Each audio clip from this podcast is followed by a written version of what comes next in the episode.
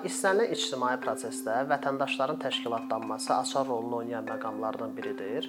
Günümüz kontekstində təşkilatlanmadan danışanda təbii ki, ağlımıza gələn ilk anlayışlardan biri siyasi partiyadır. Siyasi partiya eyni dəyərlər sistemini bölüşən bir qrup fərdin yaratdığı bir qurumdur.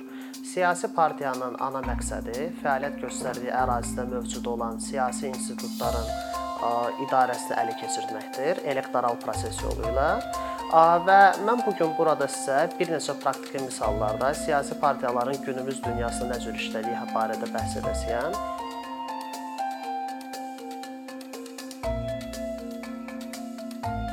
Məsələ ondan ibarətdir ki, yəni çox sadə bir reallıq ondan ibarətdir ki, insanlar fərqli cür düşünürlər və onlar bu fikirlərinin əsasında ictimai dialoq prosesinə qoşulurlar və yaşadığımız dünyada əsasən qloballaşma prosesinin də təsiri ilə hal-hazırda siyasi partiyalar həm lokal, həm milli, həm də kontinental səviyyədə təşkilatlana bilmiş və bunun əsasında öz siyasi proqramlarını reallaşdıra bilmişdir. Siyasi partiyaların tədqiqatı, yəni comparative political science dediyimiz müqayisəli politologiyanın ana ən çox maraq cəlb edən istiqamətlərindən biridir. Bununla məşğul olan bir sıra alimlər olmuşdur. Məsəl üçün Maurice Duverger, Stein Rockan, Kasmüdde və digərləri. Və mən hal-hazırda bu bir sıra praktiki misallara keçmək niyyətindəyəm. İlk başda mən danışmaq istərdim lokal və regional siyasi partiyalardan.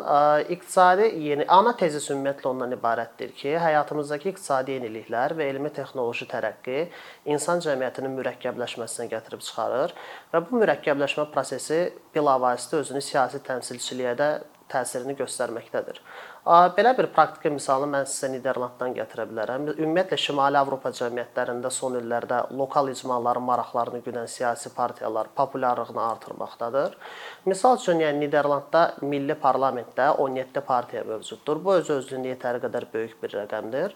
Amma yerli və bələdiyyə seçkilərində isə ümumiyyətlə 800-ə yaxın siyasi partiya fəaliyyət göstərməkdədir və bu partiyaların çox böyük əksəriyyəti sadəcə və sadəcə öz bələdiyyəsi ətrafında aktivdir və ancaq öz bələdiyyəsinin seçkilərində iştirak edir. Belə bir maraqlı fakt ondan ibarətdir ki, bu partiyalar yəni tamam fərqli məqsədlərə qulluq eləyə bilər. Məsəl üçün Groningen kimi tələbələrin çox olduğu şəhərlərdə tələbələrin maraqlarını güdən siyasi partiyalar var. Daha sonra yaşlı nəslin və təqaüdçülərin maraqlarını güdən siyasi partiyalar var. Fermerlərin maraqlarını güdən, dindarların çox yaşadığı bələdiyyələrdə bir sıra lokal xristian və müsəlman partiyaları mövcuddur. Praktikada isə vəziyyət əslində yenə də çox maraqlıdır. Yəni misal üçün 2018-ci ildəki son Niderland bələdiyyə seçkilərində əhalinin yəni lokal partiyalar ümumi səsin 28%-ni toplamışdısa, bir neçə ay əvvəl baş tutmuş 2022 seçkilərində isə bu rəqəm 35%-ə qədər gəlib çatmışdır. Müqayisə üçün onu demək olar ki, məsəl üçün ikinci yerdə qərarlaşan sağ liberal VVD partiyası, hansı ki Milli İqtidar partiyasıdır, onlar cəmi 11% yarım səs toplaya bilmişdilər. Bunun bir sıra açıqlamaları var. Ümumiyyətlə sosial sorğular, ictimai sorğular onu göstərir ki, yəni lokal partiyalara səs verənlərin 72%-i bu partiyaların onların maraqlarını və onların yaşadığı bələdiyyənin həqiqətən nəyə ehtiyac duyduğunu daha yaxşı, daha aydın şəkildə başa düşür. Və eyni zamanda təbii ki, başqa bir faktor milli partiyalara olan güvənsizlikdir. Çünki yerli sakinlərin fikrinə görə milli partiyaların onlar onların ideoloji proqramları paytaxtda yerləşən, paytaxtda yaşayan ideoloqların əsasında, yəni fikirləri əsasında qurulub və ona görə də onların elə bil ki, cızdığı yol və bələdiyyələrin özünə cızdığı yol üst-üstə düşmür tam olaraq. Təbii ki, yəni cəmiyyətdə baş verən dəyişikliklər məlum məsələ ki, lokaldan savayı milli siyasətdə də öz təsirini göstərməkdədir. Biz ümumən belə retrospektiv olaraq baxsaq, 20-ci əsrin ikinci yarısında bir çox milli bir bir çox demokratik ölkələrdə, yəni cəmiyyət siyasi arena 3 istiqamətə bölünürdü. Yəni bir tərəfdən sənaye cəmiyyətində formalaşmış işçi siniflərinin maraqlarını güdən sosial demokratlar var idi. Digər tərəfdən orta və yuxarı təbəqəni və eyni zamanda kənd təsərrüfatının maraqlarını güdən xristian demokratlar var idi. Və bir tərəfdən də yəni sekulyar orta və yuxarı təbəqədə normalda, yəni mərkəzdə yerləşən liberal partiyalara səs verirdi. Yəni bunun bariz nümunələrindən biri məsəl üçün Almaniyadır. Almaniyada da 20-ci əsrin ikinci yarısı əsasən bu üç siyasi qüvvə tərəfindən yəni çox dominant bir rolu var idi bu üç siyasi qüvvənin. Amma təbii ki, yəni 20-ci əsrin sonunda baş verən dəyişikliklər məlum məsələ ki, bu status quo-nu dəyişəcəkdir və dəyişdi də. Yəni və bu hadisələr də təbii ki, Şərqi Almaniyanın Qərbi Almaniyaya birləşməsi bir tərəfdən, ikinci bir tərəfdən qlobal isinmə fenomeni ətrafında ictimai-siyasi diskussiyanın peyda olması və son olaraq da təbii ki, avrointeqrasiya prosesinin genişlənməsidir. Və məhz bu dəyişikliklər nəticəsində, yəni son 10 ildir ki, Alman Bundestagında 6 partiya var. Daha öncə adını çəkdiyim 3 partiyadan savayı yeni 3 qüvvə formalaşıb. Bunlardan ikisinin ana elektoratı keçmiş Şərqi Almaniyada formalaşıb. Biri sol tərəfdə Die Linke, digəri də sağ tərəfdə Almaniya üçün alternativ partiyası və son olaraq da yəni get-gedə populyarlığı artan iqlim dostu gündəmi ilə Yaşıllar partiyası burada məskunlaşmışdır ki, hal-hazırda da, yəni hazırki Alman hökumətində Yəni bu e, svetofor koalisiyası, işıqfor koalisiyası deyilən bir hökumət var. Bunlar yaşıllar, sosial demokratlar qırmızılar və liberallar sarılardır. Məsələ ondan ibarətdir ki, yəni biz indi hal-hazırda Avrointeqrasiya prosesindən danışdıq və bunu davam eləyərək də qəbul e, yeni bir tendensiya ondan ibarətdir ki, siyasi partiyalar günümüz dünyasında artıq kontinental səviyyədə də əməkdaşlığa başlamışdır. Biz bu haqqda danışanda, yəni ağlımıza gələn ilk misal Avropa İttifaqının əsas qanunverici orqanı olan Avropa Parlamentidir.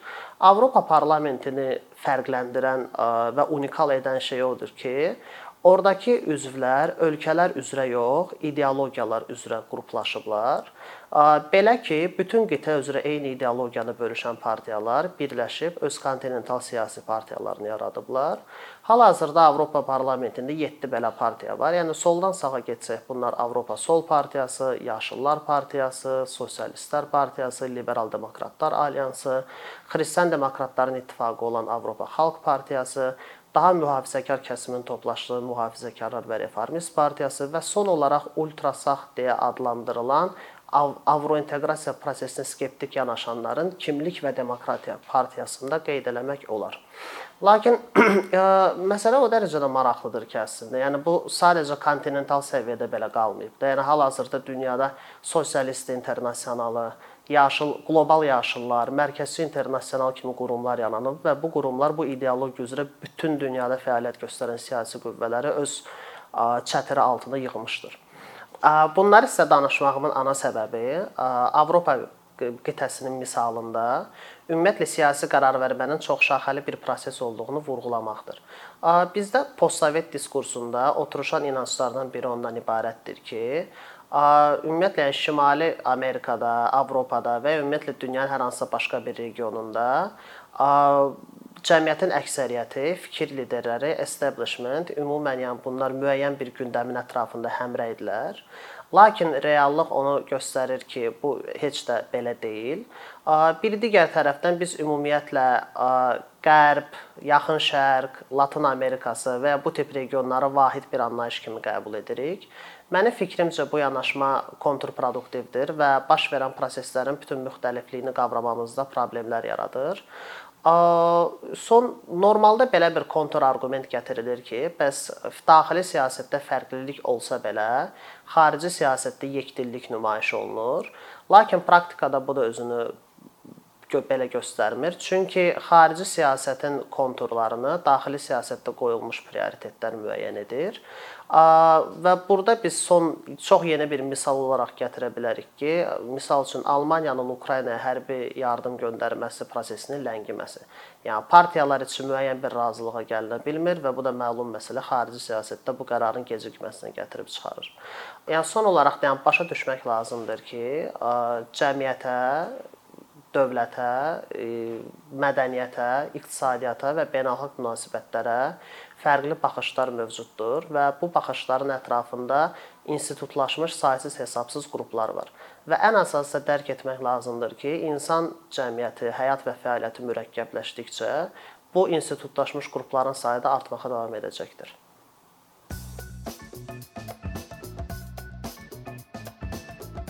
Bir neçə ildir ki, əkinçi olaraq Azərbaycanlı izləyicilərin hər zaman faydalana biləcəyi keyfiyyətli və ən əsas ödənişsiz kontent hazırlamağa çalışırıq. İndiyədək təqdim etdiyimiz onlarla animasiya və yüzlərlə çəkilişlər tələbələrin, mütəxəssislərin, müəllimlərin və ümumiyyətlə yeni mövzulardan xəbərdar olmaq istəyən çox sayda insanın marağına səbəb olub. Bu illər ərzində hazırladığımız videolar təhsil, texnologiya, ictimai fəallıq, iqtisadiyyat, gender bərabərliyi, ətraf mühit, ifadə azadlığı, hüquq, demokratik inkişaf, mədəniyyət və digər mövzuları əhatə edib. Məqsədimiz çoxlu baxış gətirən deyil, çoxlu fayda gətirən videolar hazırlamaqdır. Amma bu düşündüyümüz qədər asan deyilmiş. Gördüyümüz iş kifayət qədər resurs, əmək və təbii ki, davamlılıq tələb edir. Bu səbəbdən Patreon platformasından istifadəyə başladıq. Əkinçinin Patreon hesabının populyarlaşmasına çox böyük ümidlərimiz və gözləntilərimiz var.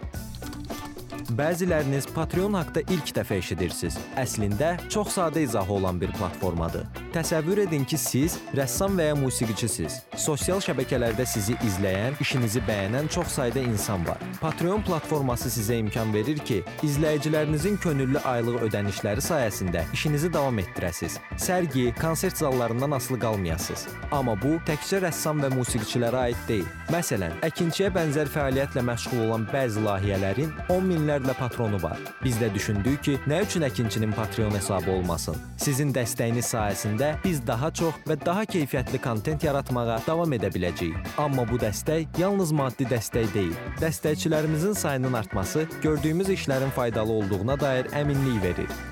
Patreon platformasından istifadə çox sadədir. Hesabınızı açırsınız, sizə uyğun dəstək növünü seçirsiniz və Patreon özü hər ayın ilk günü kartınızdan seçdiyiniz dəstək növünə uyğun ödəniş tutur. Bu qədər. Sonda onu demək istəyirik ki, dəstəkçilərin sırasına qoşulmaq istəyən, amma məhdud imkana görə bunu edə bilməyənlər narahat olmasın. Daha öncə dediyimiz kimi, bizim əsas məqsədimiz daha çox insanın hər zaman faydalana biləcəyi keyfiyyətli və ödənişsiz kontentin yaradılmasıdır. Bunun üçün mütləq patronumuz patronumuz olmalısınız deyə məcburiyyət yoxdur. Amma imkanınız patron olmağa çatırsa və bizim işimizi bəyənirsinizsə, patronlarımızın sırasına qoşulmağınız bizim üçün çox önəmlidir.